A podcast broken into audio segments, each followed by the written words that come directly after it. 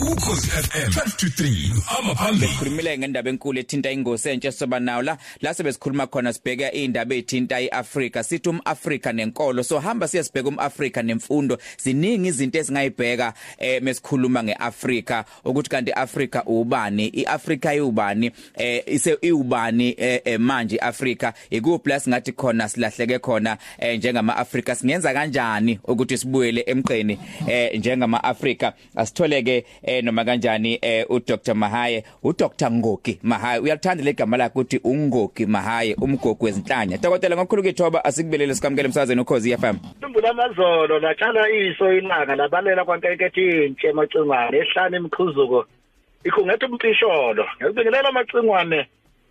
Eh unonomfundo mkhize content producer nosibo Fokolo technical eh, eh, eh, officer wakho. Yeah. Hayi ngithi baba thina siyayiqhenya sinebhongo ngomzonsobodo ngibingelela baba kwabaphathi bokhoza abalaleli sesiphakathi baba. Sesiphakathi sizokhuluma indaba enkulu indaba ethinta umAfrika khona uzoyibuza kodwa ukuthi i- i- ukukhuluma ngeAfrika ngalesikhathi samanje ku- ku- ku- kubaluleke ngani? Kubalulekile amacingwane ngoba yithi ama-Afrika amacingwane siphila eAfrika eningizimu yayo. Kodwa siphila eAfrika kumele siyiqonde ukuthi singobani konke kuyimivuzo neziqhamo nenhlanhla eziqhamuka kuNkulunkulu namathongo. Sezosehlela ngoba sizazi ukuthi singobani sizalwa ubani Kodwa mhlambe ngiyafisa ngoba ziningi izinto esokhuluma ngazo kulengosi eh unyaka uqala. Kodwa mhlambe namhlanje ikakhulukazi into ebengifisa kakhulu bekukuthi umlaleli simdlalele simbekele isithombe ukuthi yiziphi izinto esingathi simphathele zona azokwazi ukuthi eh uma sikhuluma bese yakwazi ukuthi azuze azuze eh kuzona ngoba eh, ngithanda mawuthi sihamba sihambe siye sikhulume ngomAfrika eh simqhathanisa nenkolo ngoba umbuzo omkhulu umbuzo othi uma ifika inkolo eAfrika angabe iAfrika yazuza noma iAfrika khona la yalahlekelwa khona? Eh kunjalo macingwane siyazi ukuthi singabangoni sadala sanikwa imphaka ehlukene empilo inkolo ingukujula kwempande emisa impilo yendalo. Inkolo kayifiki kodwa idaliwe. Into efikayo macingane yisonto. Ngaleyo ndlela ke eh kuyosilekelela ukuba sibuke ukuthi ke iziphi ihloko ehlukahlukene ezosilekelela ukukhanyisa lokho ukuze sihambe siye phambili ngoba kuningi Afrika ezozile. Ngoba kade ngisho ngithi inkolo kayifiki into efikayo isonto hamba hambe kube nempamba ikwicike sidideke ebese sihlanganisa izinto ezingahlangene. Uningi sikuvuze ngenkolo. Uningi futhi ke enkolo eh okwenze sadideka ngenxa yokungena ke kwamasonto engena enkolweni baba. Kodwa ngoba si- si- si- siyagawula siyagijima si- si- sobuye sibhekisise le mawukhuluma ngenkolo bese ukhuluma ngesonto ukuthi isho ukuthini. Kodwa mhlambe ngibonile ukuthi ezinye zehloko sokhuluma ngazo sokhuluma ngemvelaphi yegama nje elithi Africa yebo macingwane uma sihlala amagqoza sithi gabi gabi eh sithi ngcinci kamdoli eh sindomba nama-Afrika onke.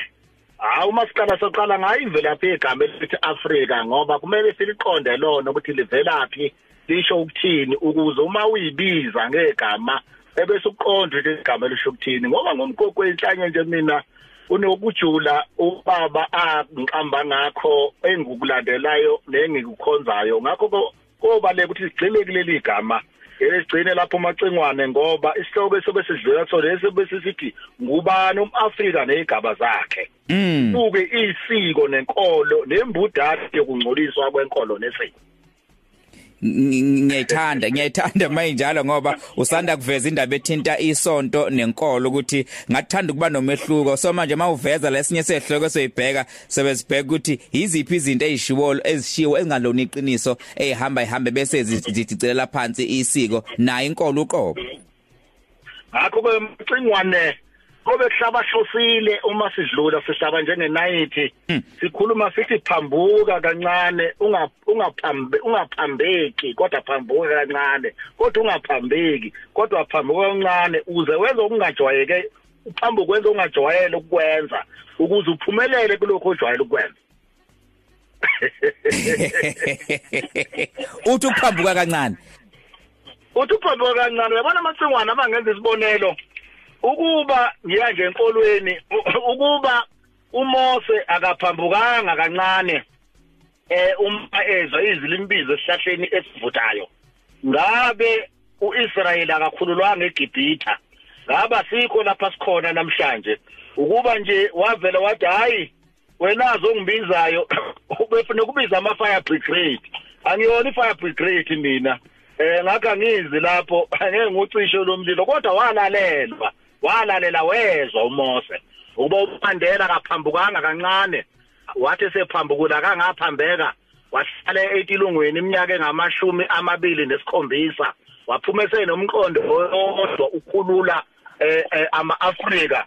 Ngabe ngabe macingwane asikho lapha sikhona khuluma noma kanjani ngeAfrika lapha ene population kubabantu abangaphezulu ka1 billion eh kanti lapha ke eAfrika eh lapha ke siyazi mesikhuluma ngamazwe ahamba phambili ngomnotho. Sikhuluma ngeNigeria eh ino 446 billion US dollars ilandele lapha ke iSouth Africa eh ngo 315 billion US dollars. Lapha number 3 iEgypt yona ke iku 303 eh billion eh, US dollars. Kanti amazwe abalelwa ke ku 55 nama languages eh angaphezulu kuka 3000 kanti mesibheka ke iGDP eh yezwekazi lakithi Africa eh, ilapha ke ku 2.6 eh, trillion US dollars. Eh sicebe kakhulu ke ngembiwa phansi siAfrica siyisizwe sathanda sathandwa uNkulunkulu eh dokotela. Ngiyazi ukuthi eh bengikhuluma kanje uyathinteka kakhulu eh mesikhuluma ngokuceba eh kwezwekazi laseAfrica hayi licebe ngempela baba. Licebe ngezimbuwa phansi licebe ngobuchopho obukulo bucebe ngolwazi licebe ngomlando konke siphethe Afrika. Ingakho zonke izizwe zifisa ukuze Afrika. Mm. Injalo dokotela. Khona mhlambe ngoba eh kade ngibheka la eh ezinye zehloko engicabanga ukuthi ngoba usuyibalile kahle kahle ihloko engathi sizokhuluma ngazo eh esikhathini esizayo noma zingaphelile ziningi kakhulu engicabanga ukuthi eh ngempela eh, lapha ke umbele ugwansile. Eh khona la okhulume khona wathi indlela enhle noma inkonzo enhle mntanami wathi yokhela ngezibani zakho wa- wathi yokhela izibani zakho umAfrika wasuthi ukuncika kwezenkolo ezomhlaba eAfrika wakhuluma ngoAdam noEva. Ngicathi kuningi kakhulu esazokhuluma ezisikhathi kumbe isikhathi siqhubeka kodwa namhlanje kuyinyanga eh, yenkululeko bengifisa ke sikhulume ngenkululeko eAfrika. Nakhona si- sisithinta nje ngoba sizobuya kahle ngesonto elizayo. Ayo masithinta amacingwane uthinta isihloko esifana nevalo omhluhluwe baba. Ngoba uma ukhuluma ngenkululeko eAfrika ngadinga siqale ekuqaleni kwayo eh izwe lokuqala lathola uzimele independence okuyiGhana eh sibuke khona ukucabanga kom- kom- komhlahlandlela wokuqala owenziwa uhlangene abaholi baseAfrika. Sibuke inkulumo kwaKone Nkrumah owayephusha nama-Afrika ayehola ngesikhathi umbono ukuthi uhle sibe into eyodwa njenge nje- njenge-Afrika ekhuluma nge-United States of Africa. Ukone Nkrumah lowo uma sibuya siza lapha eMzansi osilekelela ukuthi ngeyilanga esibuke nje inkulumo eyenziwa uPriestley ka- kaSeme umkhwenyana wasebukhosini bakwaZulu okuyena wabhala idocument yokuqala yokusikhulula. Kodwa ngiyithanda nje inkulumo yakhe ka1906 uPriestley kaSeme ethi the regeneration of Africa. Na uPriestley kaSeme ukhuluma ngeAfrika sesilapha sikhona ke manje eh uma ungazi ukuthi sesambe ibanga elingakanani eh ngokukhulula abantu abantsundu abampisholo uwini lithuba nje lokufunda enye inkulumo ispeech sika 1985 esenzo PW Botha kwi cabinet yakhe. Lapho esho khona ukuthi umuntu omnyama nje nomhlophe ngeke kuze kufane. Akusho ukuthi umbankwa ngoba umiswe umise eh, eh, eh, okwengwenya usho ukuthi uyingwenya. Ethi bangcono bona ngoba baphumela obala ukuthi umuntu omnyama uyicategory engacishile ngane necategory yelwalo ngakho ke sesihambe ibanga elide sasifika lapha kodwa iningi inselelo esisabhekene nazo ikakhulukazi macingwane kulomkhakha wezomnotho Mm. ukuthi sikhululeke ngezomnotho ezweni lethu nathi ama means of production ebe ingxenye yokuphila kwethu Ey Dokotela ngicabanga ukuthi seyibhekisisa sigxile eh ngesonto elizayo ngoba mawusibheka le speech kumbe lenkulumo eh yakhe lo mongameli lapha wezwe eh lapha ngaphambi ukuthi singene nje kwintando yeningi eh lapha ke uPW Botha izinto ayishoyo zikwenza ukuthi ubone noma singasho ukuthi sibuyele emuva kodwa zikwenza ukuthi ubone ukuthi kwakucatshwa ngani ngomAfrika kwakucatshwa ngani ngomuntu omnyama. Ingakho kubalekile ukuthi uma usukhululekile usukwazi ukwenza izinto usunenkululeko kumbe freedom of speech usukwazi ukwenza lokho nalokho kumele lelo lungelo kumbe kumele lo nkululeko uyiphathise kwekhali zamantunga ngoba eh yatholakala kanzima. Kuye kuthi umlando wethu ubhalwe ngegazi. Siyabonga ihlobo shanethela ubuseka nehlobo. Idange labesotho ngithi impanga mpanga ulala ngomkhono. Akibongele amacengwane angehla ngobonda baba Alright Dr. Ngoki Mahaya kade sikhuluma naye namhlanje sibheka noma kanjani ihloko esithinta umAfrika nenkolo. Sobheka izinto eziningi ezahlukahlukene ezihlobahlosile nezikhuluma ngathi njengama Afrika ukuthi singobani sisuka phi sibheke kuphi eh njoba uzwile ihloko egawule gijima. Ziningi nezinye engayithintanga kodwa ngokuhamba kwesikhathi uzozizwa. Uma kukhona kunye ufuna ukuphawula noma ufuna ukukubuza ungangena enkundleni zokuxhumana ukubuze. Uyothi umeqala udokotela ngesonto elizayo ebese qala. Ukhosi FM 12 to 3 amaphambili